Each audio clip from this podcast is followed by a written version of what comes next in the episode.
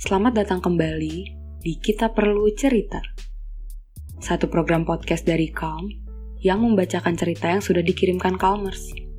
Respon yang kami berikan berada di bawah pengawasan psikolog profesional yang tergabung dalam aplikasi konseling online Calm, yaitu Weni Aidina. Kali ini saya Chelsea Dan saya Alfi. akan membacakan cerita kali ini. Cerita pertama dikirimkan oleh Bunga.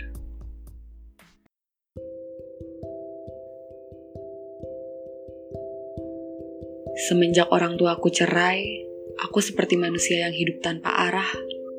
Aku merasa tak ada yang menyayangiku, memperhatikanku. Aku merasa hidupku hampa, kosong. Sampai-sampai aku merasa minder untuk berteman dengan orang lain. Aku iri melihat temanku yang memiliki kasih sayang utuh dari orang tua mereka. Apa yang bisa dilakukan orang yang memiliki kisah hidup yang tak indah ini? Terkadang aku merasa hidup ini tidak adil. Sampai-sampai aku bertanya, masih adakah rasa bahagia itu untukku? Tuhan, apa yang harus aku lakukan? Kenapa takdirku seperti ini, Tuhan? Jika aku boleh meminta sebuah permintaan, maka aku ingin agar hidupku baik-baik saja dan bahagia. Hai Bunga, terima kasih ya telah berbagi cerita. Kamu paham, tidak mudah dapat menerima kondisi yang kamu alami saat ini. Adanya perubahan yang terjadi setelah perceraian memang membutuhkan waktu untuk kita bisa menyesuaikan diri.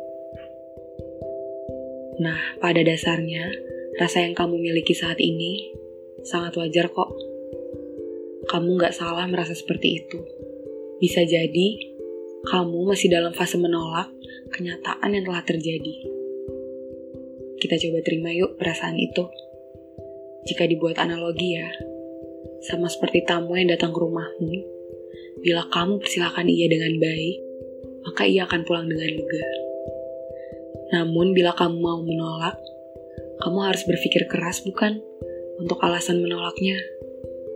Kamu mungkin berbohong untuk membuat tamu tersebut tidak datang. Namun dengan berbohong, akan terasa berat bukan di hati? Atau itu hanya menunda kehadiran tamu sesaat saja? Ia akan datang di waktu yang lain. Nah, begitu juga dengan perasaan kamu saat ini. Coba untuk menerima rasa tidak nyaman yang kamu rasakan. Sambil kamu mencoba menerimanya, yuk sekalian, kamu coba tulis gratitude journal di Calm. Dengan menulis apa yang kamu syukuri setiap harinya, semoga bisa membantu kamu mengaktifkan kembali memori-memori indah yang pernah terjadi di hidup kamu. Hal yang disyukuri tidak harus besar. Sesederhana kamu dapat bangun tidur dan masih dapat bernafas adalah hal yang bisa kita syukuri. Halo, terima kasih sudah menawarkan safe place bagi saya untuk bercerita. Maaf pakai nama samaran karena ini adalah hal yang membuat saya memilih mati daripada menceritakan kepada orang lain atau orang lain mengetahuinya. Saya bingung dengan orientasi seksual saya. Apakah saya belok dengan tanda kutip? Karena selama ini saya lebih tertarik dengan teman laki-laki daripada teman perempuan. Saya tidak pernah berpacaran dengan lawan jenis karena keluarga saya konservatif, melarang berpacaran. Tapi bukan berarti saya ingin berpacaran dengan teman laki-laki juga, karena saya rasa itu salah.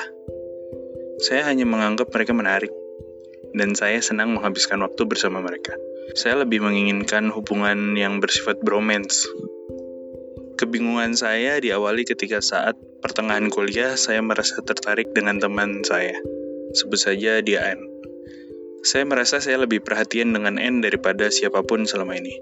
Ketika kesulitan, saya berusaha terus untuk membantu dia. Ketika dia sedih, saya berusaha untuk menghiburnya. Merangkul atau memeluk, pokoknya apa pun lah, untuk menunjukkan kasih sayang pada dia. Teman saya pun sepertinya merasakan hal itu. Untungnya mereka menganggap kami sahabat, jadi ya mereka maklum terhadap kami. Sejauh ini, hubungan saya dengan N sangat baik. Saya harap dia menganggap saya sebagai sahabat. Ya, karena memang sebatas itu yang saya inginkan. Saya kadang khawatir apabila saya berlebihan kepadanya, dia merasa risih, kemudian menjauh. Hai, terima kasih telah bercerita. Kalm senang sekali bisa mendengar cerita kamu.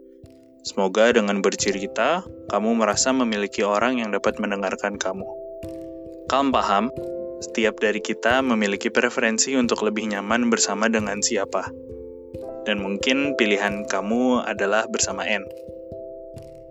Untuk dapat mengetahui apakah N merasa kamu berlebihan atau tidak, cobalah untuk bertanya langsung kepadanya. Tentunya, dengan kamu sudah merasa dekat, kamulah yang paling mengetahui cara yang paling baik untuk bertanya padanya.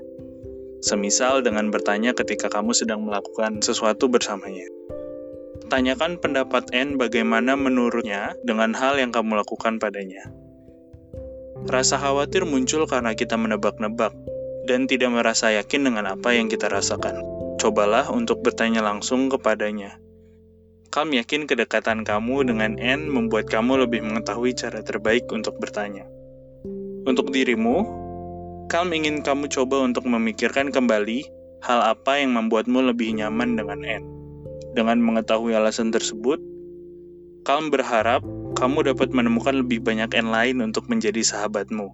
Karena terkadang kita semua memiliki kesibukan yang makin lama makin berbeda. Sehingga membuat kita akan sulit bercengkerama dengan teman-teman seperti sekarang. Kalm tidak ingin kamu terpuruk ketika ia tidak selalu ada seperti sekarang. Kita tidak dapat mengontrol orang harus berperilaku seperti apa pada kita. Yang bisa kita lakukan adalah mengontrol diri kita sendiri Salah satunya adalah dengan mempersiapkan diri untuk tidak bergantung pada siapa pun dan mencari banyak teman lain yang ada di sekeliling kita. Untuk pertanyaan apakah kamu belok atau tidak, Kalm ingin kamu menelusuri kembali kisah hidupmu sejauh ini. Dari kecil hingga besar sekarang, buatlah seperti sungai kehidupan. Kapan ada batu kerikil yang menyandungmu, atau batu besar yang menghambatmu, hingga aliran sungai yang hangat menenangkanmu. Coba kamu membuat hal ini untuk mencari dan membuatmu merasa lebih nyaman dengan orang-orang berjel berjenis kelamin sama denganmu. Saat menentukan suatu masalah, tentunya membutuhkan lebih baik data. Bila kamu membutuhkan saran yang lebih detail, jangan lupa kalau konselor selalu ada buatmu kapan pun dan di mana pun. Sampai jumpa di cerita berikutnya. Dan jangan lupa, kita perlu cerita.